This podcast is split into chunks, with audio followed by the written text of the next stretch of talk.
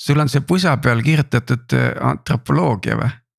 jaa, antropoloog, ahah, antropoloog, nii et äh, ei, meil on väga hästi, meil on, me saime isegi äh, domeeni antropoloogia.ee, et kui ma räägin antropoloogiast, siis ütlen, et saatke mulle kiri keiu, et antropoloogia.ee, siis, siis see on täpselt niimoodi, et oota, kas te oletegi kogu selle distsipliini endale saanud siis. jah ja., nii läks. edukas domeenivõitlus, jah, tore.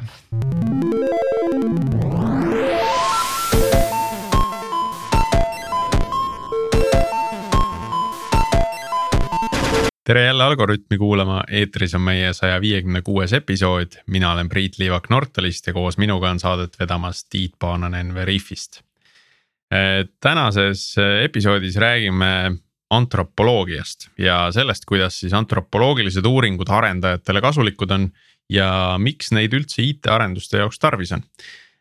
külas on meil teemat avamas rakendusliku antropoloogia keskuse asutaja Keiu Telve. tere, Keiu tervist ole hea, tutvusta ennast pisut, et äh, kuidas sa antropoloogiani jõudsid ja mis suhe sul IT-ga on? See on äh, huvitav, kuidas eriti kui tänapäeva noori vaadata, siis tundub, et võimalusi on nii palju, et sa võid ükskõik äh, mida teha ja kuhu jõuda. Ja ma olen tagantjärgi mõelnud, et huvitav, et äh, ma kohe algusest peale valisin endale nii õige asja, et ma olen sellega tegelenud juba pea viisteist aastat ja antropoloogia ehk siis kuidas mõista inimesi, kuidas äh, saada endast paremini aru, miks nad teevad nii, nagu nad teevad, miks nad käituvad nii, nagu nad käituvad, et äh, ma arvan, igas ettevõttes, igas perekonnas, igas sõpruskonnas tuleb see kogu aeg küsimuseks, et miks inimesed siis teevad seda, mida nad teevad. Ja võib-olla arendajate seisukohast on see, et sa proged valmis midagi ju nii lihtsalt ja inimesed peaksid minema lihtsalt äh, klikkima ühte nuppu ja nad ei näe seda nuppu aga jaa, pärast gümnaasiumit läksin õppima kohe kultuuriteadusi ja riburada jõudsin kuni doktorikraadini välja ja samal ajal, nii et jaa, minu poole saab pöörduda kui doktor antropoloog. ja samal ajal asutasime äh, kaheksa aastat tagasi rakendusliku antropoloogia keskuse, mis oli siis mõeldud kohe neid samu märkamisi, taipamisi, äh, ülesleidmisi vahendama ettevõtetele, organisatsioonidele ja asutustele, kes saaks päriselt selle põhjal teha paremaid otsuseid mm.. ma nüüd peegeldan korra tagasi, et samas tunnistan ka oma võhiklikkust, aga ma arvan, see on saatejuhile mingil määral lubatud. et on siis antropoloogia üritab vastata küsimusele, miks me nii käitume ja oleme, nagu me oleme, rohkem kultuurilise ja sellise nagu kogukondliku ajaloolist perspektiivi läbi, kui psühholoogia üritab siis nagu kaevuda sinna sissepoole, jah ja see on tegelikult väga hästi sõnastatud, aga raske on tegelikult teha vahet, et kus tegelikult alguspunkt on, kas ta on meie ajust. et me oleme bioloogiliselt inimesena määratud mingil viisil mõtlema ja meie ajus on mingid keemilised protsessid, mis panevad meid tahtma šokolaadi või meil on kultuuriliselt õpetatud sisse mingisugused ootused, et meid on näiteks antropoloogial on hästi oluline inimeste omavahelised suhted. et kuidas teised inimesed määravad meie käitumist. me kõik tahame olla, kuuluda kuhugi, me kõik tahame, otsime turvatunnet. me kõik tahame olla väärtustatud ja sellised põhidriver'id on jäänud läbi ajaloo tegelikult samaks, me ei ole inimestena väga palju muutunud, et. et kunagi oli meie hõim võib-olla sadakond või tegelikult isegi vähem, viiskümmend sulgedes ringi jooksvat inimest. täna meie hõim võib olla need viiskümmend samas, sama korruse peal kontoris töötavat inimest. ja samas enese kehtestamine, oma koha leidmine, oma töös mõtte nägemine, laiema kasu saamine saamine kogukonnale. tegelikult need kõik asjad on samad, aga see, kuidas ma võtan need antropoloogia tööriistad ja panen need tänapäeva maailma konteksti. annab tihti asjadele uue vaate. no tegelikult lähme kohe näidete juurde, sest minu töö on selline, et kui tuua näiteid, siis on paremini saab aru. ma olen aru saanud, et see töö on hästi palju sihuke lugude jutustamine ka, et, et pead, pead nagu mingi konteksti looma nagu sellele, sellele asjale juurde, millest sa räägid. ja, ja, ja üks hiljutine uuring, mida, millega ma just hiljuti kokku puutusin ja lugesin Netflix äh, tellis ühel hetkel enda tiimi antropoloogid. ja tema tahtis teada, et kuidas siis striimimine ikkagi käib ja, ja kuidas inimesed tahavad ikka uusi sarjaosasid äh, vaadata. ja kerge oleks teha ju mingi küsimustik, et no mitu sarja sa õhtu jooksul vaatad või kas sa vaatad erinevaid, kas sulle meeldib krimi, kas sulle meeldib äh, mingisugune äh, romantiline komöödia, mis on sinu žanr. aga nad otsustasid teha teistpidi ja nad saatsid antropoloogi inimesi inimeste kodudesse aega veetma õhtul koos perekondadega, paaridega, sõpruskondadega ja nad tulid tagasi fenomenaalse avastusega, mis on tegelikult mõjutanud kõikide meie elu. Nad avastasid sellise asja nagu binge watch imine, et inimesed tahavad vaadata ühte hooaega järjest, nad on oodanud seda kuid. Nad on kutsunud kokku sõbrad ja tuttavad ja nad tahavad teha sellest sündmuse, et nad päriselt veedavadki terve õhtu ekraanide taga. vaatavad järjest, nii et äh, seesama nupp, et kas sa tahad vaadata järgmist episoodi, see on äärmiselt oluline ja see, et äh, kuidas teha seda kiiremini, kui sa vaatad mitu episoodi järjest, äh, jäta tiitrid vahele, jäta mingisugused kõik lõputiitrid vahele kohe next, kohe järgmine sisuplokk ja võib ju küsida, et kas see on nagu, kas see on siis, kellele see on, kas see on turundajate küsimus, kus see on tootearendaja küsimus, aga tegelikult see kokkuvõttes läheb progemiseni välja, et sa pead tegema need nupud, jäta need asjad vahele ja sest inimese kogemus. Netflixi vaatamine reede õhtul on sotsiaalne sündmus, inimesed tulevad külla, nad tahavad vaadata mitu osa järjest, nad tahavad selle koha pealt arutada, see on sõpruskonda kokku toov element. et see on väga, see on väga väga põnev, et tegelikult see on, see tuleb inimeseks olemiseks, see tuleb sellest, kui olulised on meile sotsiaalsed suhted. mul siin, kui sa räägid, siis mul lihtsalt nagu lähevad lambid järjest, punased lambid lähevad järjest põlema selles mõttes, et esimene mõte, mis tuli mõni aeg tagasi, oli see, et. et tegelikult on ju mingi koolkond, kes ütleb, et et kui me sünnime siia maailma, siis meil on ju tegelikult kõik äh, inimeseks olemiseks äh,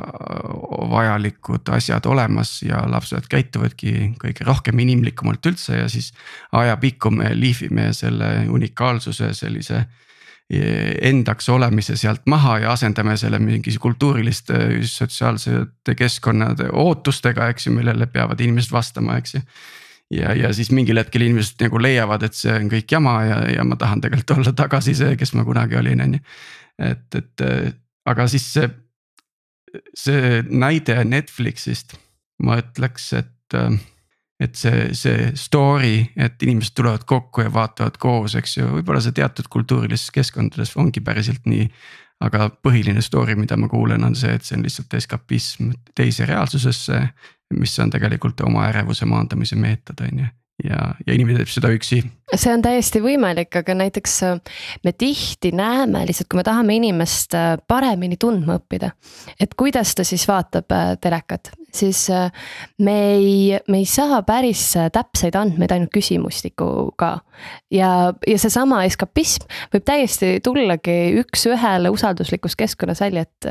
mul on reede õhtuks lihtsalt kõikidest teistest asjadest nii siiber, et ma tahaksin nagu ühte, ühte kohta ennast maha laadida. Ja samamoodi ähm, ähm, kultuuriliselt on olnud ju mahalaadimiskohti hästi palju ja erinevaid ja siis omakorda saaks vaadata, et kuidas äh, kuidas anda inimesele näiteks ka see legitiimsus, et äh, jah, ta võib vaadata mitmeid osasid äh, sarja järjest ja see on ka huvitav, kuidas Netflix on seda kultuuriliselt palju ähm, aktsepteeritumaks teinud, et võib-olla kakskümmend aastat tagasi vaadata tunde ühte seriaali, esiteks oli võimatu, teistpidi oli võib-olla isegi taunitav. aga kuidas täna on saanud sellest mingisugune kultuuriline element, et see on, see on väga, seda saab alati kahtepidi vaadata, aga äh, just hiljuti lugesin sellist raamatut nagu Behave ja seal on kaks poolt hästi seotud, et kust maalt lõpeb äh, bioloogia, kust maalt lõpeb meie psühholoogia, kust maalt algab kultuur. et tegelikult need on kõik omavahel läbi põimunud, et minu tööriistad on lihtsalt natukene teistsugused, et aitavad inimloomust natuke paremini mõista, et me lähme inimese juurde kohale, see juba see isiklik kontakt on äh, uuringute kontekstis eripärane, et, äh, et vaadata, mida ta päriselt teeb, et võib-olla ta muidu ei ütleks, et ta vaatab äh, õhtu läbi sarja, aga kui minna tema, talle külla ja vaadatagi, et kuidas ta vaatab järjest sarja, siis saabki küsida, et oota, aga mis selle asja mõte sinu jaoks on. ja seal see eskapism avaneb lihtsalt teistpidi või või kui me toome näiteks hiljuti, me tegime ühele e-kaubandus, rakendusliku antropoloogia keskusega siis e-kaubanduses riideid müüvale platvormile uuringu. kuidas inimesed e-shoppavad, et mida nad teevad selles keskkonnas, mida nad, mis, mis väärtust nad sealt otsivad. ja see on nii huvitav, kuidas paljud ütlesid meile, et nad lähevad näiteks otsima musta kleiti või äh, ütleme mm, äh, ruudulist pintsakut.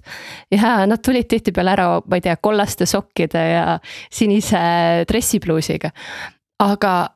huvitav oli see, et eesmärk, see, et nad ostsid teise asja, ei olnud nii oluline. oluline oli see, et see protsess oleks neile põnev, köitev, et nad saaksid uusi järgmisi valikuid, sellest tulenevalt äh, mil-, mis tüüpi brände või mis tüüpi imagot nad tahtsid endale luua? Et, et see on jällegi huvitav, kuidas me aitasime nügida otsingumootorit just selles suunas, mida ta, mitte et ta pakuks ainult mustasid kleite, vaid see, kuidas ta üritab aru saada inimese tüüpi me tegime seal ka personad, nii et, et ongi, et kuidas erinevad äh, inimesed kategoriseeruvad ja kuidas anda neile uusi leide siis otsingumootorist, mitte seeläbi, mida nad otsivad, vaid seeläbi, mis tüüpi inimesed nad äh, oma käitumise põhjal on et see on nagu teistpidi lähenemine. selline kasutaja jälgimine igal juhul annab äh,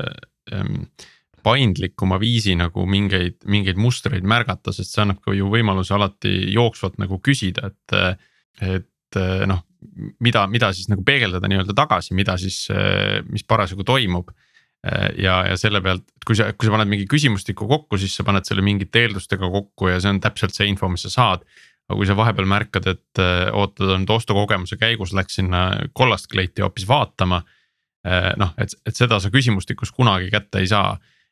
ma ei tea, kuidas sa küsid seda, et kas sa vahepeal käid teisi tooteid ka vaatamas, on ju, kui sa lähed otsima ja, või kas sa ka tegelikult lõpus ostsid hoopis teise toote, kui sa alguses ostma läksid, et ta isegi ei mäleta seda, et ta läks ostma musta kleiti. et see oli nii sujuv tema jaoks. kuidas sellega on, et noh, teadlaste üks põhilis-, põhilisemaid probleeme, et kui sa midagi üritad mõõta või, või vaadelda, siis sa mõjutad seda vaadeldavat objekti, et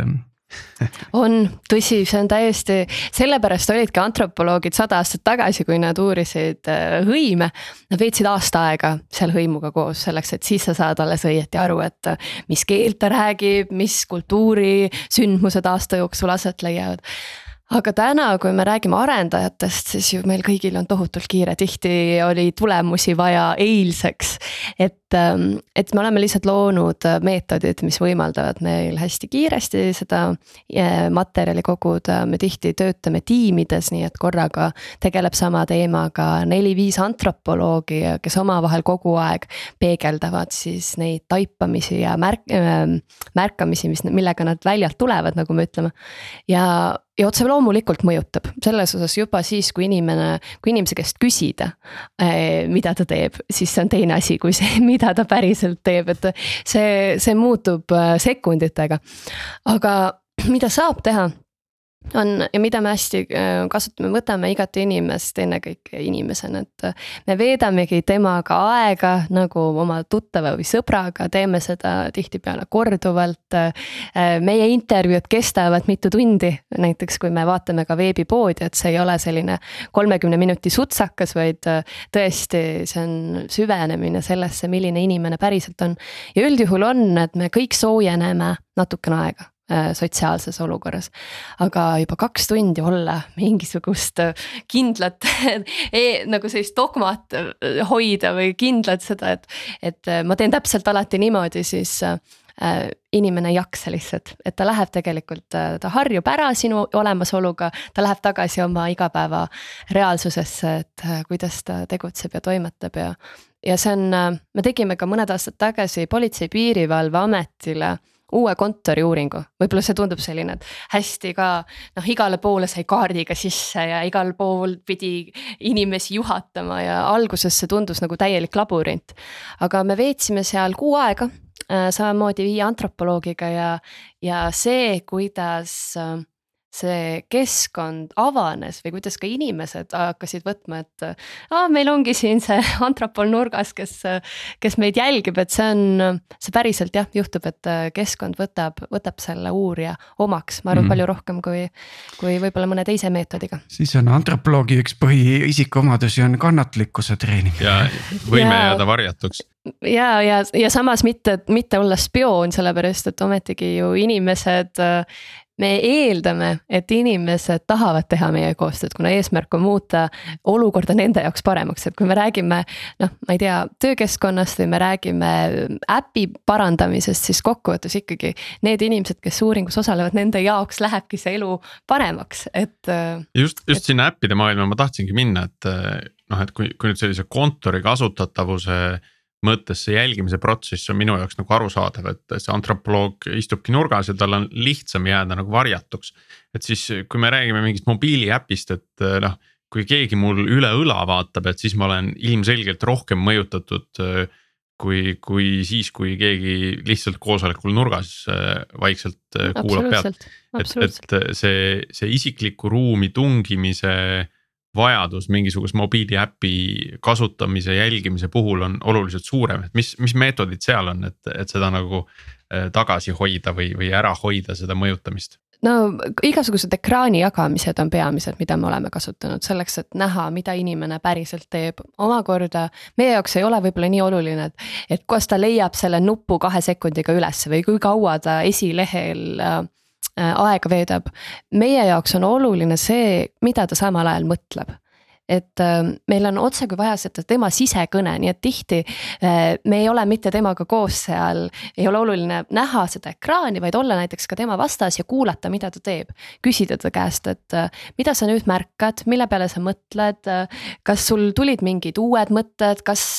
kas, oh, sa tegid mingi naljaka liigutuse, mis mis selle eesmärk oli, kas sa nüüd äh, tahad kuidagi, et üritada panna teda avatud küsimustega mõtestama seda, mida ta parasjagu teeb. ja see võib olla tihti, me näeme näiteks, et inimene küll ütleb, et jaa, et ta on äh, seda on tegelikult hea näha ka äh, veebikoosolekute puhul. ma arvan, et paljud meist on näinud seda, et toimub mingi veebikoosolek, keegi jagab ekraani, siis ühel hetkel unustab ära, et ta jagab ekraani mm -hmm. ja siis kogemata läheb Facebooki ja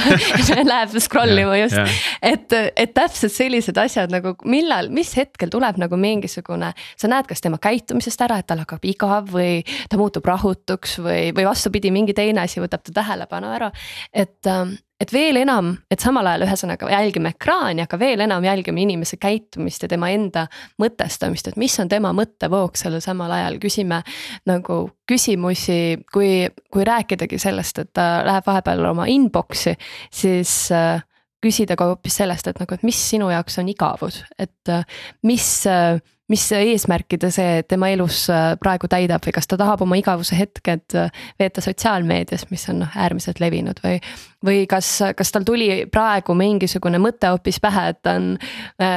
meie kahetunnise intervjuu ajal hoopis ära unustama oma meilid, et see on nagu üks veebis tegutsemise praegune paratamatus, et meil aeg-ajalt tuleb selline alert tuleb sisse, et okei okay,, äh, vaata oma inbox'i, et ma olen juba natuke liiga kaua olnud sellest, äh, sellisest ähm, update imisest eemal ma olen natukene sellisel provotseerival lainel praegu, ei tea, kas. oota, oota, oota Tiit, enne kui sa provotseerid, äh, korra põrgata veel ühte meetodit, mida, mille kohta ma lugesin ja mida sa natuke puudutasid siin praegu. et, et sageli vist kasutatakse ka sellist noh kordamist, et kui sa räägid, et kui sa palud inimesel mingit tegevust läbi teha ja küsid tema käest, et noh, et mida sa nüüd mõtled. ja siis sa palud täpselt sedasama asja teha, noh, et räägi nüüd, mida sa tunned. või noh, et sa üritad nagu kuidagi teistest äh, aspektidest sedasama äh, pilti kätte saada või seda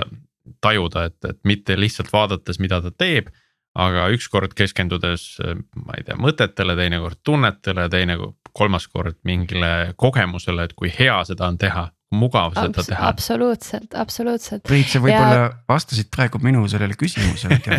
ma jõudsin selle küsida, eks ju, et eks see kolm aastat koos ekraani taga siin veetes hakkab ühine vibe tekkima, aga, aga.... no siin on teile selline väike hõim. jah, jah, et, et minu see küsimus oli selles, et, et noh, sa teed mingeid järeldusi, aga kui näiteks sellel inimesel on halb päev või ta on. Või ta on, tal kuskilt valutab samal ajal või, või ta ülemus ei ole ta email'ile vastanud ja siis tema käitumine erineb oluliselt sellest, mis. võib-olla selline normgrupi käitumine oleks, et kuidas siis selliseid asju nagu siis tähele panna, kas ta siis tema nii-öelda input'i discard ite mingis mõttes, et mm. -hmm. ei, absoluutselt mitte, meil on, kui inimene on ärritunud, siis äh, tema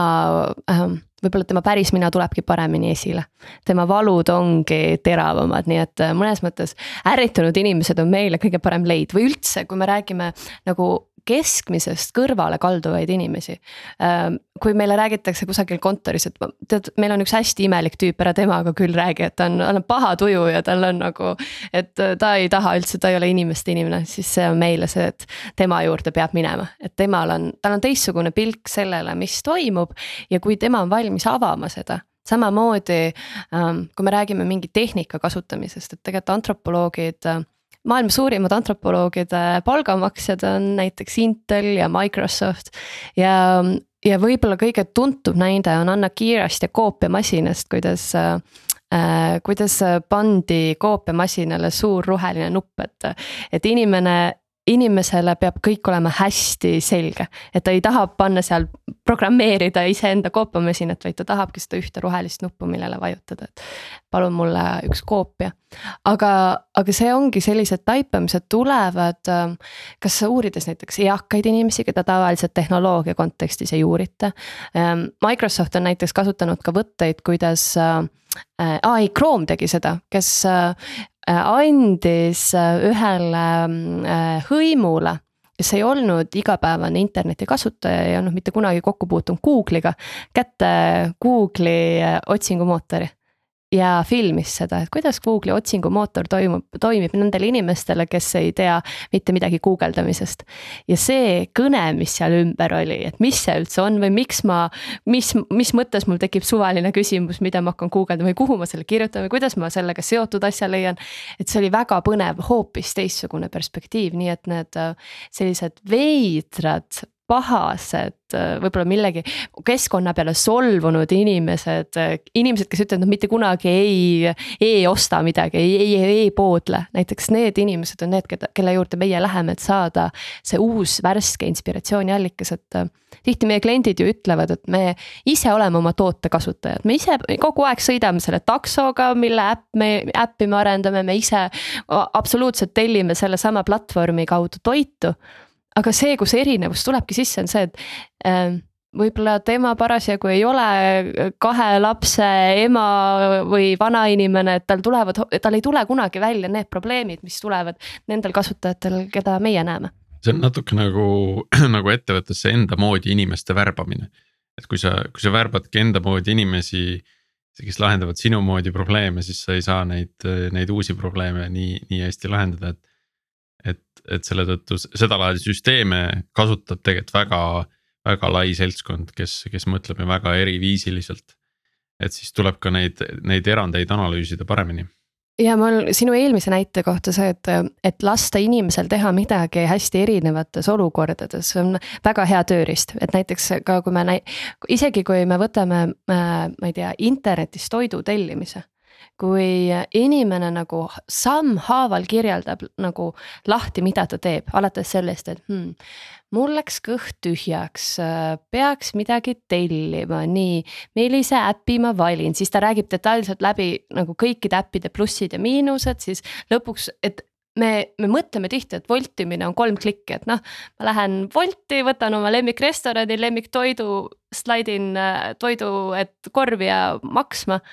aga kui palju tegelikult meie aju sellel samal ähm, protsessil ja teekonnal äh, räägib meiega. ja seesama korduvus, et, äh, et vaadata teda lõunat tellimas, õhtusööki tellimas, võib-olla pühapäeva hommikul pannkooke, et need on. Need on, see erinev korduvus näitab, et mis erinevas kontekstis meie aju teeb ja kui palju seal on tegelikult neid väikseid samme vahel, mida me, mida me ei teadvusta nii, aga nüüd, kui sa kõike seda teed, et sa jälgid seda kasutajat äh, mingis protsessis, et kuidas sa saad olla äh, kindel, et sa oled katnud ära kogu selle kasutajakogemuse keerukuse. et sageli süsteemid on, on suured ja noh, et, et jälgida nagu ühte protsessi nagu toidu tellimine ähm, on mõnevõrra lihtsam kui jälgida tervik suure süsteemi võtame näiteks, ma ei tea, Pipedrive'i kasutamist, eks ole, et noh, et seal on seda funktsionaalsust on lihtsalt nii palju. ja, ja inimesi võib nagu noh, et ühte häirib üks nurgake, teist häirib teine nurgake ja kuidas siis aru saada, et mis see, mis see prioriteet äh, tagatipuks nagu lõpuks peaks olema äh, Pipedrive'iga mul ei ole olnud au veel kokku puutuda, aga just lõpetasime Tartu Ülikooli Kliinikumi uuringu. võib-olla see on äh, sarnane selline suur organisatsioon, väga palju erinevaid tööliine ja nende eesmärgiks on saada kõige kasutajasõbralikumaks äh, äh, raviasutuseks Eestis.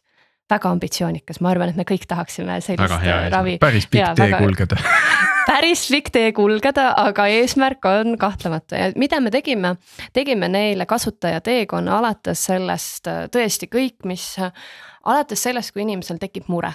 kuidas ta seda lahendab, kas ta helistab oma perearstile, kas ta läheb äh, registrantuuri, kuidas ta leiab äh, noh e, e-tervisest on palju räägitud, kuidas ta leiab äh,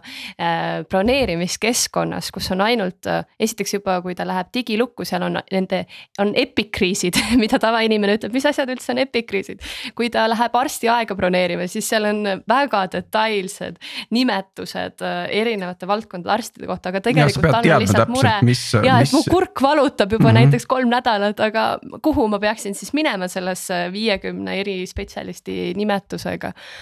Rääkimata sellest, et äh, kui ta lõpuks jõuab sinna arsti, jõuab uksest sisse, kuidas see maja on tohutu suur, kuidas on anonüümne, kuidas äh, inimesel on hirm, kui ta arsti juurde läheb, see on üks asi, tal on, ta on kabuhirmus, et talle öeldakse tõenäoliselt halbu otsuseid ja siis äh, ta jõuab arsti kabinetti ja tavaliselt arst on arvuti taga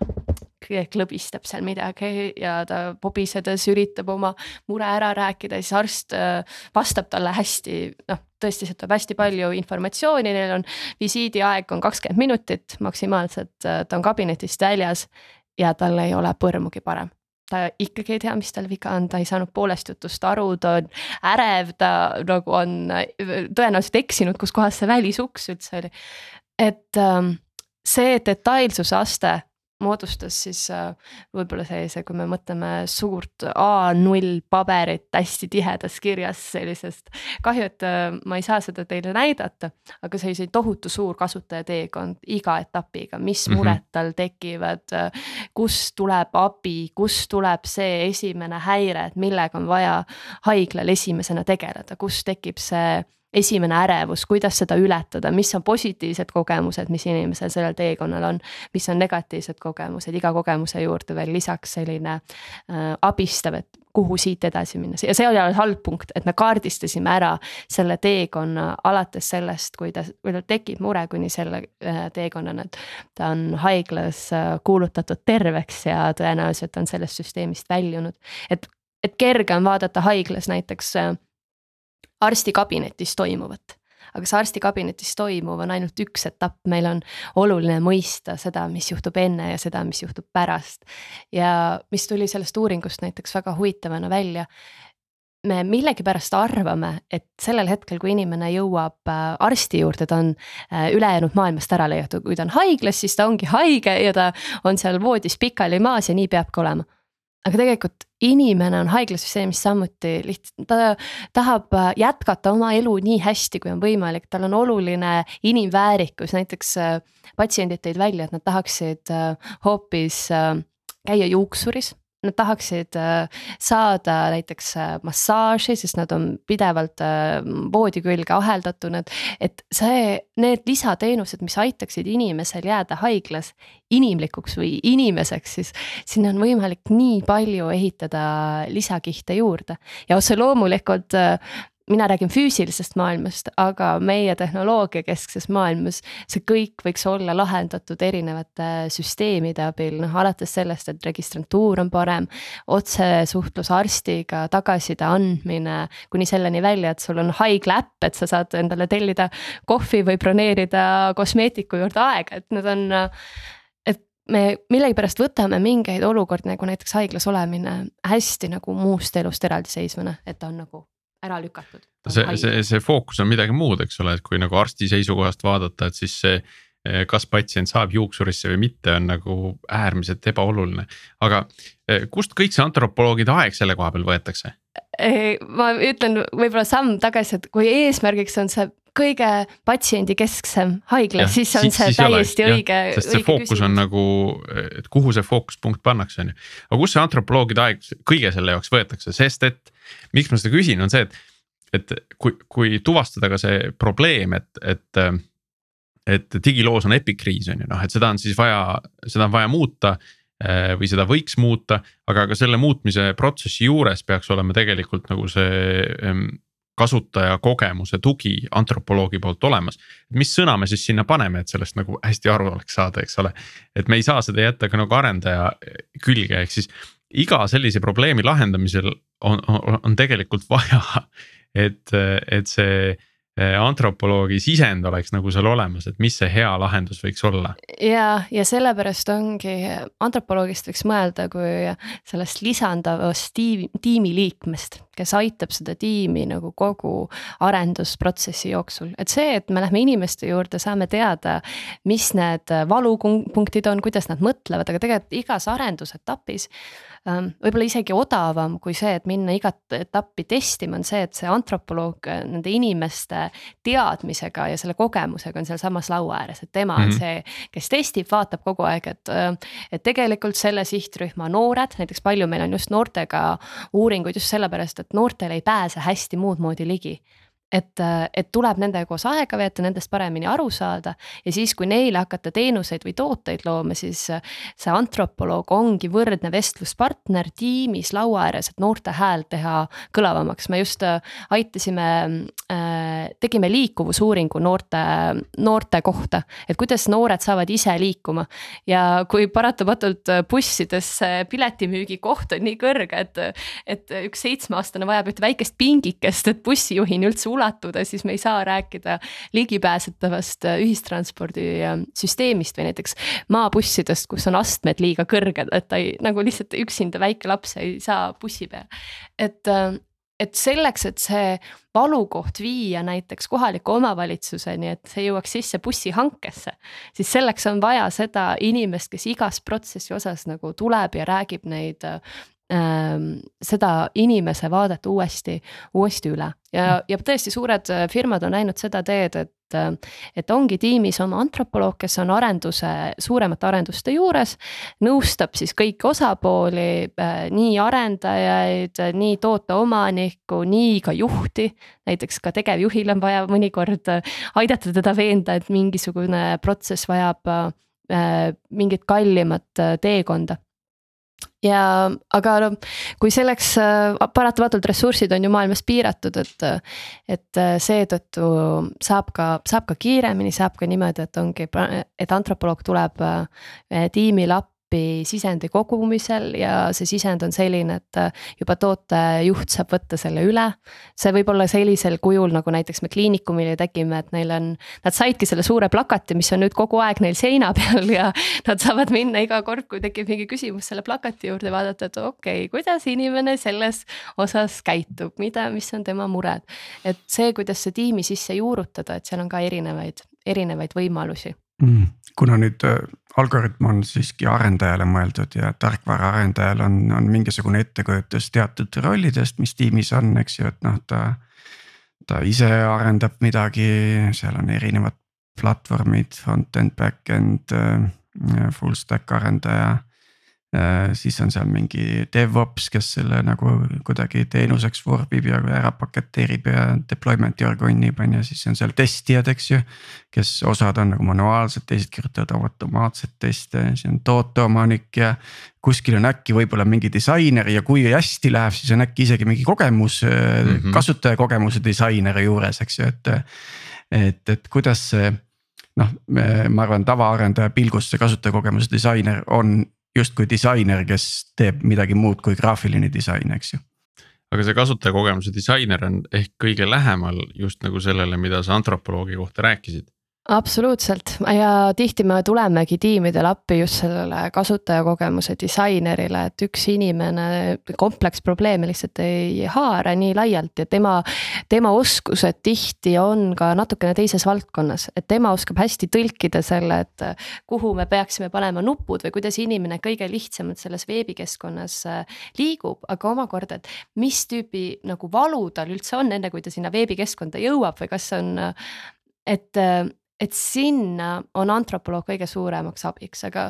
aga omakorda ta on väga vajalik ka arendajatele, tõesti nagu sa rääkisid front-end, back-end arendajatele, et. tihti ol-, kirjutades koodi või ükskõik mis tööd tehes, me arvame, et meie töö on, me teeme seda nii arusaadaval viisil, eriti kui me teeme midagi hästi äh, basic ut, et kuidas see teine pool sellest aru ei saa ja seetõttu selle kogemuse tagasitoomine arendajateni, et no kasutaja toest tihti äh, me saame seda, et inimene on sign up lehel ja ta kirjutab kasutajate toele, et uh, how to sign up ja esimene reaktsioon tekib mingi viha ja nagu, et kas see inimene on idioot, et ta ei, nagu kuidas ta ei saa aru, et seal on see sign up, et sa pead lihtsalt klikkima sinna sign up'ile ja nagu. meie võtame kaks sammu tagasi, inimene ei ole mitte kunagi rumal aga lihtsalt see, kuidas ta jõuab, äh, mis on tema valu sellel hetkel, miks, äh, miks, kas ta sealt edasi ei tööta, kas ta ei saa mingit kirja, kas mingisugune aken ei löö lahti, kas tal on midagi, äh, mingisugune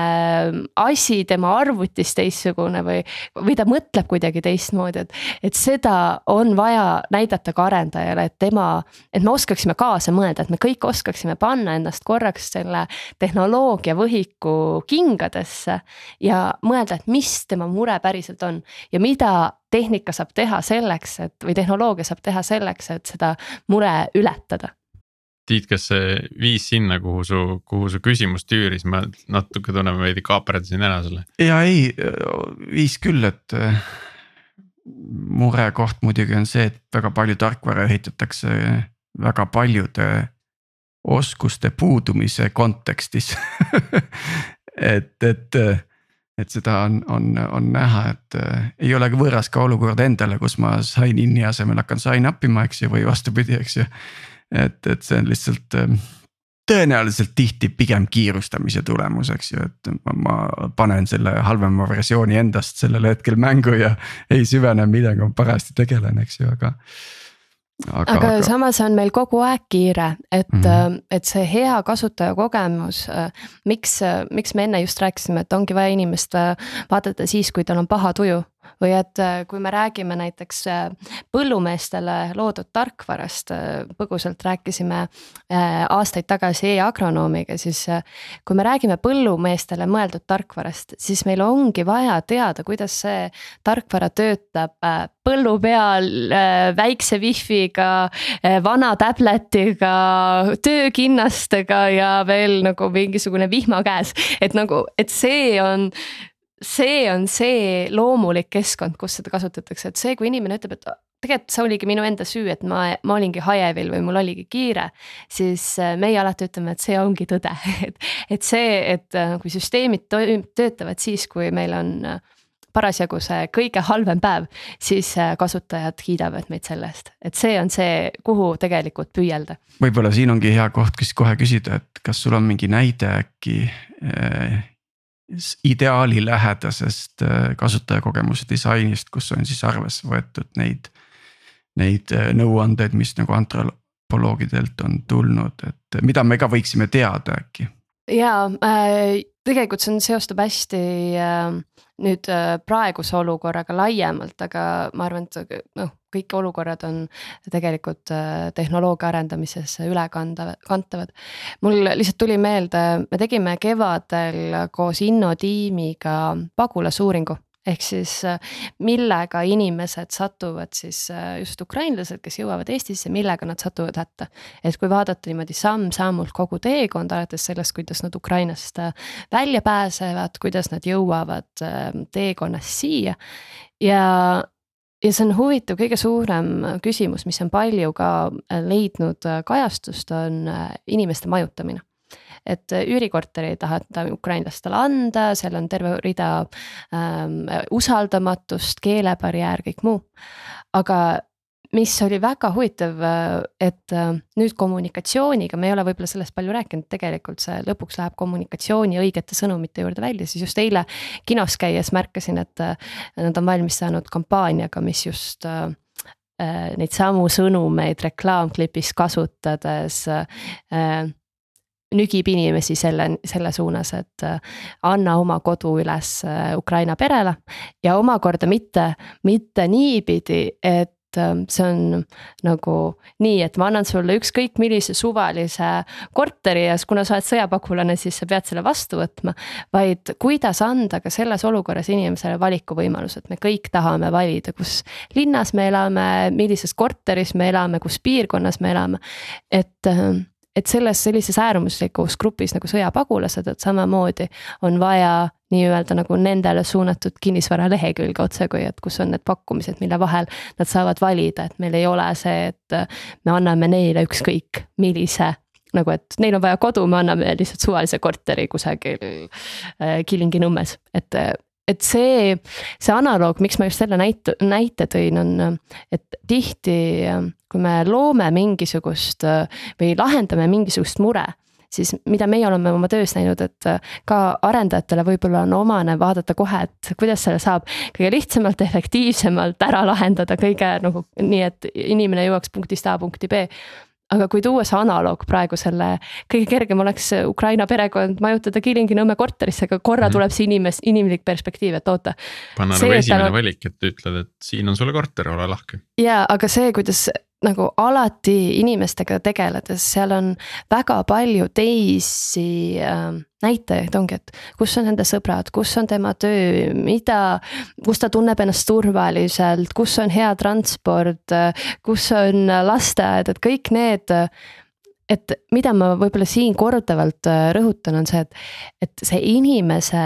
et, et olla efektiivne, et lahendada inimese mure hästi kiiresti ära, siis ta lahendab tihtipeale nagu noh, ühe mure, aga, aga tegelikult ei anna inimesele seda rahulduse tunnet, et ta tunneb, et ta tõesti on kohal. et, et ka kõik need arendajad, kes, kes meid kuulavad, et mõelda seda protsessi laiemalt, et mis on see äh, valu tegelikult, mida teie aitate lahendada, aga aga kuidas mitte minna sellisest kiirteena punktist A punkti B, vaid mõista seda nagu seda probleemi tervikuna selleks, et äkki teha sellist siksak äh, lähenemist, saab korraga inimesel näiteks viis tema valukohta ära lahendada samal ajal, kui, äh, kui natukene sellest kiir, kiirteest kõrvale, kõrvale minna et. see ähm, alati, me, me oleme ka siin rääkinud, et need kiirteed on okei okay,, aga siis peab olema arusaadav ja selge, et miks see kiirtee võeti ähm, mis, mis see keskkond seal on ümber, mis soosib selle kiirtee kasutamist ja kuidas see asi nagu ära lahendatakse hiljem. Ähm, et, et, et see läheb sinna nagu planeerimise poole, mulle tundub, et, et see on sageli selline kesktaseme arendaja, kes on saavutanud juba teatud kompetentsi ja küpsuse, kes kipub nagu sinna äh, otse nagu lahenduse poole minema ja siis äh, mida rohkem seda kogemust juurde tuleb, seda rohkem hakatakse mõtlema ka muude tarkvara aspektide peale. et kui me lahendame selle nii, et mis on siis selle äh, süsteemi, ma ei tea, edasine hallatavus, käideldavus, jõudlus, äh, skaleeruvus, turvalisus, ka kasutatavus, eks. Äh, et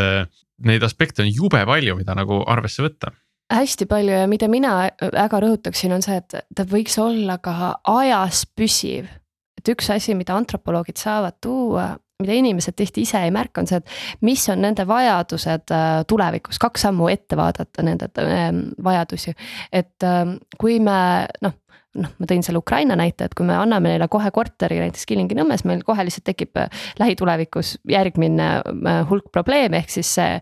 Need inimesed hakkavad olema Eestis väga liikuvad, et nad hakkavad muutma tihti asukohti, on vaja uusi koolikohti, et nad ei jää sinna, sinna paika. et samamoodi, et kuidas vaadata selles äh, arenduses nagu kaks sammu ette, et kuidas me täna arendades saame luua mingi lahenduse, mille eluiga on pikem mida inimesed suudaksid ja tahaksid kasutada kauem. et kui ma enne tõin selle e-poe näite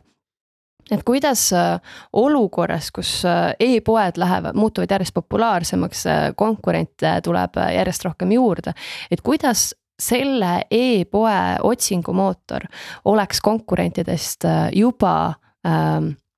paari-kolme kasutaja eripäraga ees et see on, see on ka see aspekt, et, et me ei, et me tahame kohe vaadata neid tänaseid valukohti ja turvalisust ja äh, kui kiiresti äh, see on võimalik valmis saada ja nii edasi. aga et kuidas vaadata ka seda, et kuidas ta oleks ajas kõige kauem püsiv, et kuidas ta lahendaks ära mingit inimeste tulevikumuret, mida neil võib-olla, millest nad ise ei ole täna isegi teadlikud, et äh, sinna alla lähevad kõik praegu näiteks CO kahe kvoot samuti äh, koodiga kauplevad või koodiga tegelevad äh, tarkvaraarendused. et et see on näiteks valdkond, kus inimesel, kasutajal ei ole veel arusaama, ta isegi ei tea veel, et ta on, et tal on vaja seda arendust ühel hetkel, et näiteks oma firmat muuta panga silmis äh, adekvaatseks. aga aga see näiteks, et kuidas inimene või ettevõte mõtleb üldse oma jalajäljest see, see mõtteviis on tal olemas, aga ta ei ole selle veel ühendanud äh, CO2 kvoodiga. et siin on näiteks väga hea koht, kus antropoloogid saavad võtta selle, et mida, millest inimesed praegu räägivad, millest ettevõtja räägib, kes on kaks sammu ees ja mis võivad olla inimese käitumismustrid nagu viie aasta pärast, kui see on päriselt äh, aktuaalseks muutunud. ja ma lisaksin veel juurde, et, et äh, mitte ainult see pole oluline, et see kasutajale on nii-öelda kaks sammu ees, aga tegelikult ka arendaja jaoks see peab olema jätkusuutlik ja nii-öelda sustainable, et, et meil oleks ka kahe või viie aasta pärast arendajaid, kes selle süsteemiga on valmis tööd tegema, seda edasi arendama. et, et ei, ei tekiks seda olukorda, et tuleb lihtsalt juhe seinast tõmmata ja hakkame otsast peale, sest see on nii jama ja kohutav lahendus ma natukene puuriks veel seda, et äh, kõige lihtsam küsimus on, et kuule, et mis äpp mis äpid sul installitud on et, et mis, mis on need töövahendid, mis nagu äh, toovad sinu töö arendajale nagu koju kätte või teevad arusaadavaks, et, et mida võib-olla te ka jagate nagu arendajaga. et, et see tähendab ju, et noh, kõik see uuringu pool tekitab hunniku andmeid, et millega neid andmeidki töödeldakse näiteks? me räägime siin sellisest asjast nagu thick data et me oleme harjunud rääkima big data'st ja ma arvan, et arendajal on ka äh, big data, et meil on andmed, need on graafikusse pandud. meie, me tuleme ära teistsuguse dataga ja see on äh, tihti hoopis käsi, käsitöö. et täpselt samamoodi, kui me rääkisime kliinikumi puhul sellest suurest äh, sellisest kasutajateekonna kaardist, siis äh, see on eraldi äh, meil disaineri poolt kujundatud äh, PDF, et see, et see on midagi, kuhu ka arendaja peab ennast ennast äh, sisse lugema, tihti see lõpptulemus on hoopis äh, äh, tsitaatide, videoklippide, heliklippide ja taipamiste, bulletsite PowerPoint. et ta võtab selle, ta võtab selle kogemused hoopis teistmoodi endaga kaasa. et need asjad, mida meie kasutame, on väga, väga basic ud, ei ole et äh, meie intervjuud äh, toimuvad äh, reaalelus, me kasutame telefonis töötavat diktofoni, kuulame pärast selle materjali üle. Ähm,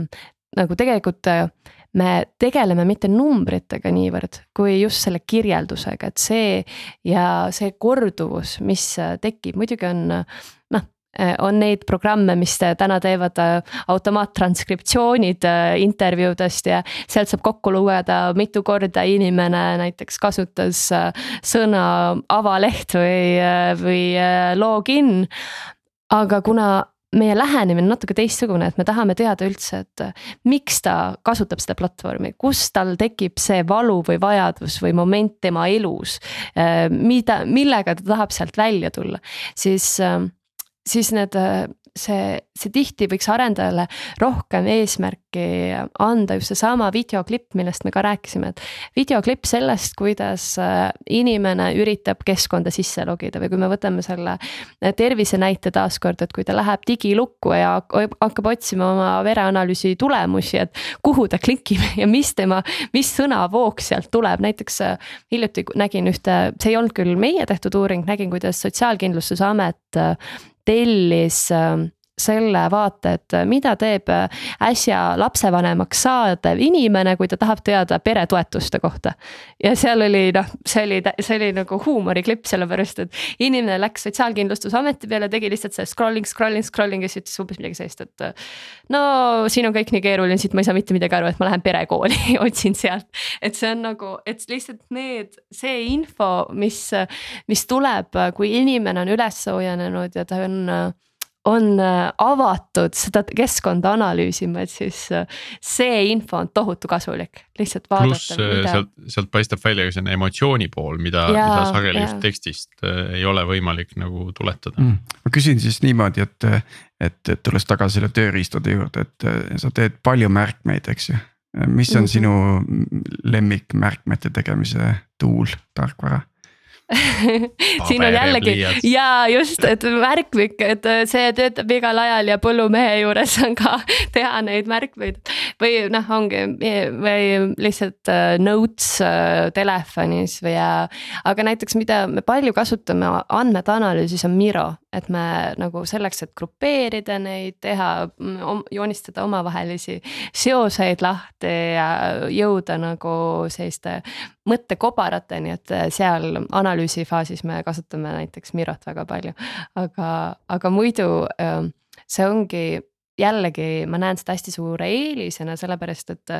ma arvan, et ähm, ka selle, teie kuulajad pigem on hästi tehnoloogilised oma tegevuses ja ka see, et näiteks, et te juba teate või teie kuulajad juba teavad, et mis numbrid nende kasutajate, kasutajakäitumise taga on. ja see on väga hea alguspunkt, näiteks kui me ka mõne äh, teenusega tegelema hakkame, vaatame, et noh, et kas teil on näidata meile oma klientide liiklust või kuidas ta noh kasutavad teie platvormi ja kuidas nad sinna jõuavad. aga sealt on väga selgelt tulevad välja mingisugused murekohad ja sealt selle murekohaga, et miks inimesed seal ikkagi niimoodi käituvad, on see alguskoht, kus äh, meie edasi lähme, et mida, mida inimene selles olukorras mõtleb, mida ta tahab, miks ta näiteks äh, oleme aidanud paari toitumisplatvormi, et äh, et kuidas või üldse nagu tegelikult sellist äh, elu äh,, igapäevaelu nügivat äh, platvormi, et tegelikult ma võin isegi, üks oli Swedbanki kogumispäevik, kus, mis innustab inimesi säästma. kus me tegime mõned aastad tagasi siis inimeste sellised äh, persoonad, et kuidas nad äh, selles plat-, seal platvormis liiguvad ja tegutsevad. ja ja teine oli üks äh, toitumisplatvorm, et miks inimesed, seal on üks põhiküsimus on see, et miks inimesed lõpetavad äh, nende asjade tegemise, mida nad teevad, et kui ma olen pannud paika oma säästueesmärgid või ma olen lubanud äh, võtta aastaga kümme kilo kaalust alla toitumisega, siis miks need ei tööta. ja seal on üks osa võib-olla on äpp aga teine osa on ikkagi see, et kuidas see tehnoloogiline lahendus, millistel hetkedel ta peaks kätt hoidma või näiteks, mis tuli välja kogumispäevikus, üks inimeste kõige suurem probleem, mis, miks nad ei suuda säästa, on nende laristav kaaslane. et ei ole üldse tegelikult nende käitumisega probleem, vaid lihtsalt nad ei suuda oma partnerit tuua sinna platvormile, et, et see on nagu et peaks olema täiesti eraldi teekond sellele partnerile, keda siis nügitakse, et hakka, hakka ka säästlikuks, et me saaksime kodu sissemaksu kätte või mis iganes kokku. või, või näiteks või kui me räägime äh, toitumisest, siis seal oli, et toitumiskava, et inimesed päriselus teevad patupäevi see tähendab seda, et üks päev nad ütlevad, et nad ei jaksa, neil oli halb päev ja nad söövad kõike kartulikrõpsudest kuni äh, äh, kiirtoiduni või mis iganes jäätist äh,. ja siis nad on sellest äh, kavast lootusetult maas, sest see kava on siis punases ja jääbki punasesse. et kuidas äh,, kuidas arvestada näiteks sinna sisse, et äh, inimestel ongi mõnikord halvad päevad, et näiteks peab olema lahendus, kuidas nad saavad mingit päeva toitumiskavast välja võtta et äh, lihtsalt emotsionaalselt see ei, ei, lükkab nad platvormilt välja, et nad lihtsalt tundusid, et nad üks päev eksisid ja neil ei olegi enam mingit äh, võimalust ennast lunastada. meil on siin kuulajad on arendajad ja tõenäoliselt ka tooteomanikke, võimalikke ka tulevasi, tulevasi startup'i asutajaid, et mis siis antropoloogidelt puudu on nagu tarkvara võtmes, mida võiks nagu teha, mis, mis keskkond, platvorm, rakendus äh, nagu sa siin mainisid, et tegelikult see trans-, transkriptsiooni kasutatakse ja nii edasi, eks ju, et mm,. aga äkki on mingisugune selline idee, mis, mis sa võid ehk õhku visata, mida siis, kui kibekiiresti paar venda kohe hakkavad progema see on, see on huvitav, et ma pigem, ma näen, et, et on oluline osad asjad jätta võib-olla tehnoloogia vabaks, kas nii saab äh, provotseerivalt vastata. et, ähm, et ma arvan, et küsimus ähm, tihti, mis äh, me arvame, et tehnoloogia muutub järjest paremaks ja ta lahendab järjest äh, suuremaid järke meie elust ära ja siis ühel hetkel nagu jäävadki osad valdkonnad surevad välja, sellepärast et tehnoloogia arendab seda. ma arvan, et antropoloogia kõige suurem eelis on see, et me küsime teistsuguseid küsimusi ja arvutid või äh, programmid äh, saavad tihti meile noh, saavadki äh, saata välja küsimustikke, võib-olla ühel hetkel on minukujuline selline äh, tehisintellekt, kes äh, läheb, küsib neid küsimusi. aga iseseisvalt tulla nende peale, et kuna me töötame hästi palju ka selles samas keskkonnas, olles inspireeritud neist inimestest, et äh, kui kui minnagi, ma ei tea, vaadata, kuidas lapsed mängivad, siis need küsimused, mis sellel hetkel tekivad, need saavad tekkida ainult selle kogemustega antropoloogi peas, et seda ei ole võimalik äh, masinale loodetavasti selgeks õpetada, et Jaan Aru äh, oma uues raamatust äh, loovusest ja lugelemisest äh, rõhutabki, et see, et inimene küsib teistsuguseid küsimusi, muudab ta erinevaks arvutist. ja, ja kõik testimisprogrammid, mis suudetakse välja mõelda või, või kõik ma ei tea, automaatküsimustikud, mis ise leiavad üles probleemid, et mida võiks inimeste käest küsida, siis see, kui inimene küsib, tal tekib lihtsalt paratamatult, meie loovus on selline, et me küsime teistsuguseid küsimusi ja need teistsugused küsimused aitavadki meid äh, innovatsiooniga edasi. nii et, äh, et äh, pigem ma võib-olla ütleksin, et arendajatele rahustuseks, et, et lubagegi kasutajakogemuse ja disaineritel olla nagu teistmoodi, las nemad kasutavadki paberit ja pliiatsit ja. ja võib-olla lihtsalt, ma ei tea, Zoom'i äh, ekraani lindistamist, sellepärast et see annab teistsugused taipamised, kui see masinatelt saadud tagasiside, mida tegelikult meil on juba hästi palju. kas äh, olete äh, nii-öelda enda ettevõtte sees ka mingisugust äh, ütleme antropoloogilist protsessi rakendanud enda töö peale, noh sellist nagu rekursiivselt inception ja, stiilis asja, et, et, et kogu enda aeg. kogemust nagu analüüsida paremini. ja kogu aeg, meil on äh, iga kahe aasta tagant me teeme oma oma klientide seas siis sellise samasuguse antropoloogilise uuringu, et mida, mida nemad on saanud, mida nemad on saamata jätnud ja see on huvitav, et äh, tihti nad ütlevad, et äh, et äh, meie oleme iseenda väärtuse märkamises liiga tagasihoidlikud, et see, et see, et me räägime, et inimesed on olulised ja kuidas äh, sealt tuleb uut infot ja uut inspiratsiooni, uusi ideid. siis see, mida meie kliendid vastu peegeldavad tihti on see, et äh, see on uskumatu, kuidas me hakkasimegi teistmoodi mõtlema, et võib-olla kõige kurioossem näide on see, kuidas me. maksuametil aitasime mõista ehitussektori maksupetturit, et siis ehitussektori ettevõtjad, kes ei maksa tööjõumakse. et kuidas,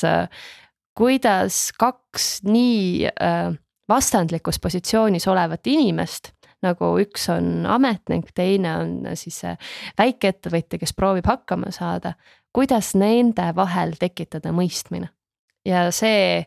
kuidas äh, selle projekti tulemuseks on äh, meie siis maksuameti poolne tellija ütles, et, et täiesti uskumatu et ta ei oleks äh, elu sees arvanud, et need on, et tema vastas on sellised inimesed ja kui ta oleks teadnud seda, siis oleks aastatepikkune nagu töö äh,, kommunikatsioonisõnumid, kõik muu olnud tegelikult teistpidi üles ehitatud. nii, siia lõppu ma veel küsiks äh, selle kohta, et, et äh, kas ja kui palju on õnnestunud kasutada just sellist nagu antropoloogilist vaatlust äh, mõne ettevõtte kultuuri analüüsimiseks ja, ja suunamiseks, et, et. hästi palju sa oled rääkinud siin mingisugusest tootest, mingist nii-öelda noh, välisest kasutajakogemusest, eks. aga, aga samamoodi seda saab ju kasutada ettevõtte kultuuri analüüsimiseks ja vaadata seda noh, ettevõtte töötajaskonda kui seda hõimu. et, et millised mustrid ja süsteemid seal olemas on, et kas, kas see sedalaadi uurimusi on ka tellitud? Ja tegelikult ju, ähm, kui ma põgusalt mainisin Politsei- ja Piirivalveameti uuringut, oligi just nimelt töökultuuri uuring, et kuidas nemad töötavad, nende esialgne sisend oli see, et äh, mitu lauda ja tooli nad saaksid äh, tulevikus kontorist ära võtta meil õnnestus oma tellijat veenda selles, et tegelikult see on küsimus, et kuidas Politsei- ja Piirivalveameti inimesed tulevikus üldse töötama hakkavad. ja kuidas nad täna töötavad ja mis on nende nagu töö eripärad, et aga muide, kusjuures on tehtud uuringuid tarkvaraarendajatest, näiteks kuidas ka meil endal oli üks tarkvara või õigemini selline telekom klient kelle, kes küsis tegelikult oma organisatsiooni kultuuri kohta, et äh, miks mingisugused äh, arendused jäävad toppama või ei lähe mm -hmm. nii kiiresti edasi, kui peaksid minema ning äh, vastus tegelikult hästi lihtsustatud oli see, et äh,, et arendajate tagasiside ei jõua otsustajateni. et äh, kuidas äh, lihtsalt ähm, et me ei, et me näeme probleeme erinevate külgede pealt ja, ja see ja eriti, kui on veel seal vahel mitu inimest, et äh, kui me räägime omanikust või me räägime mingisugusest äh, äh, ka ettevõtte sees mingisugusest automatiseeritud tagasisideprotsessist või nagu mingisugune, kus ei ole piisavalt otsesuhtlust, ei ole näiteks väga palju tuli välja ka, et tiimid noh et tiimide ülesehitusest sõltub palju, et, et lihtsalt kui ei ole, äh, et ühesõnaga ei jõua info õigete inimesteni ja seetõttu arendused äh, toppavad, äh, neid ei, nad jäävad seisma, ei jõua õiget, õiget viisi lahendusteni, kui jõuavad, siis lõpuks ei tööta ja tekitavad palju pahameelt, sellepärast et arendaja ütleb, et aga ma juba ütlesin teile seda nagu protsessis väga palju maad tagasi, aga mind ei võetud kuulda, et, et. kommunikatsiooniprobleemid. absoluutselt kommunikatsiooniprobleemid, aga seal on ka kui meile meeldib mõelda, et ettevõtted on hästi nagu flat, et ei ole hierarhiaid ja kõik on nagu sõbrad ja saavad üksteisega väga hästi suheldud, siis ikkagi needsamad, millest me alustasime, need hõimude nagu struktuurid on paratamatult igas organisatsioonis sisse kirjutatud ja, ja mingit tüüpi info lihtsalt ei, ei levi äh, erinevate inimeste vahel. ma saan aru, et inimestel on vaja ikkagi hierarhiaid neil on vaja mingit süsteemi, mille osas nad saavad öelda, et niimoodi need suhted on üles ehitatud. ja hierarhiad hästi tugevalt äh, on seotud meie turvatundega et, et on oluline teadvustada oma rolli tiimis ja nagu teadvustada ka seda, et ja see roll peab olema väärtustatud, et, et, et kui me mõtleme ka nagu hõimuühiskonna peale, siis ei ole noh, otseselt paremaid ja halvemaid äh, rolle, aga lihtsalt on see, et igalühel on erinev ähm, eesmärk ja kui me hakkame kui me teeme näo, et äh, kõik on juhid või kõik on äh, arendajad, no siis see, siis see ei tööta, et, äh, et aga mõtestada oma tiimi sees lahti, et mis on iga töökoha eesmärk, kuidas see töökoht saab väärtustatud, kuidas ta saab tagasisidet, kuidas ta saab oma pahameelt ja frustratsiooni välja elada, kes võtab arvesse või Äh, ka tagasiside, kes otsus, vastutab selle eest, et need äh, muudatused päriselt saavad tehtud. et, ähm, et see on, see tuleb igas ettevõttes äh, läbi mõelda ja, ja seal on hästi suur juh, osa muidugi juhtidel. aga meil endal on oma organisatsiooni kohta pime pilk, me näeme seda paratamatult äh, enda pilgu läbi ning kõige parem, äh, mida ma alati ütlen, et tuleb minna koristaja juurde või tuleb minna töömehe juurde ja küsida, et kuidas tema seda organisatsiooni näeb, et tihti sealt tuleb äh, hoopis, hoopis teistsugune pilk no koristaja näeb sageli erinevaid ettevõtteid ka, et tal on see nagu võrdlusmoment nagu ka veel olemas, et, aga see on ja, sest see ettevõttesisene organisatsiooni kultuuri eripäev, me tegime. Omnivale tegime uuringu, kuidas nende pakiautomaadid töötavad, aga samal ajal äh, see rääkis väga palju pakikulleritest ja me tegimegi, veetsime pakikulleritega terve päeva, vaadates, et kuidas nad on hommikul jaotusjaamas, siis sõidavad selle autoga ringi, siis õhtul lähevad tagasi. ja kui ettevõtte juht ütles meile, et kõik on korras et nende ettevõte töötab täiesti veatult ja kõik on kaasatud ja kõik on ühest asjast väljas, siis pakikulleril oli see, et, et meil on ilus kommunikatsioon, aga sõimata saan ikka mina et, et tema jutt ja tõesti väga palju kordi inimesed tulid meie juurde, ütlesid, et ta on juba toksinud kümme korda seda koodi siia masinasse ja see ei tööta ja see, see ei toimi nii. ja siis see pakikuller pärast seda sõimu ärakuulamist pidi lihtsalt vaikselt ütlema, et jah, et aga teil on Smartposti number, et Smartposti pakiautomaat on sealpool vale automaat et aga see juhtub nii tihti, ta ütles, et see on täiesti nagu, et see on tema tööpäeva sisse kirjutatud osa, et, et see on nagu noh, et jällegi, et me ei me ei näe, me ei näe paratamatult juhina ei näe seda pakikulleri valu äh,. pakikuller, kusjuures äh, tema ütles, et ta on nagu neid kõikidest asjadest kogu aeg rääkinud, ta on tööl selles ettevõttes juba kolm aastat, mitte midagi ei ole muutunud, et see. et see frustratsioon, et info ei liigu või, või et kuidas äh.... ma, ma arvan, et seal on väga palju ka see äh, probleemi lahendamise noh, ütleme oskus probleemi lahendada, et, et sageli jäävad mingid asjad õhku rippuma siis, kui tegelikult keegi ei tea lahendust. et ongi selline noh, mingi plärts on seinal, aga me ei tea, kuidas seda maha kraapida, sest. või, või keegi ei otsusta lihtsalt ära, sest ja, ta ei julge seda teha. ja et sellised nagu neid põhjuseid võib olla nagu erinevaid, et see, see ei ole alati tegelikult ikkagi see pahatahtlik, et ah las ta olla, et küll nad hakkama saavad. absoluutselt, absoluutselt ja siin ongi see ähm, kõrvalt tiimi lisatoomist või veel enam uue, uue tiimiliikme palkamine, kelle roll ongi seda jama korrigeerida, siis see, siis see ongi lahendus, et tihti me näeme ka, et kui meie läheme nagu juhtkonnale kõrvale, siis me saamegi neid, nendeni tuua selle frustratsiooni, mis on kas pakikulleritel või koristajatel või üks, ükskõik kellel, kommunikatsioonijuhtidel, arendajatel, kellel iganes. ja see tagasiside on me anonüümiseerime selle ära, ehk siis me oleme nagu vahel see puhver, et nad saavad info, aga nad ei saa seda kokku viia sellega, et kes kes seda ütles. ja siis see plekk seinal järsku saab sellele appi, kogu meie kelder hallitab, et me peame sellega tegelema kohe. et äh, see on äh, et see skaala või see, kuidas tuua see probleem päriselt välja, kuidas tuua kõik erinevad nurgad välja, et tihti. ka kui me näeme näiteks ettevõtte seest mingit probleemi, siis me kõik näeme seda, et ma arvan, et minul on probleem ja okei okay,, ma tean, et mu heal sõbral on ka probleem aga kuidas näha, et tegelikult kollektiivis see probleem on nagu nii palju suurem, nagu ongi, et. et tagasisideliinid arendajate ja juhti vahel ei tööta, et näiteks selline konkreetselt sellise tulemusega me tulime ühes uuringus tagasi, et ja siis saab rääkida, et missuguseid lahendusi me loome selleks, et seda parandada. Nii, meie tänase episoodi aeg hakkab nüüd äh, täitsa ühele poole saama, aga enne veel, kui me tõmbame päriselt joone alla, äh, Keiu, anna kaks raamatusoovitust Äh, mida oh,, mida võib-olla just äh, nagu arendajad võiksid lugeda? ja äh, üks nendest on Small Data, selline, see on väga hea raamat just erinevate ähm,. Ähm,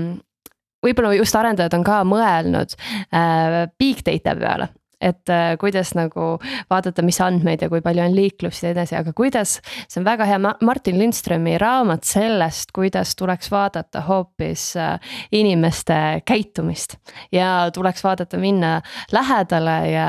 ja ma juba tegelikult siin mainisin äh, raamatut Behave, aga see on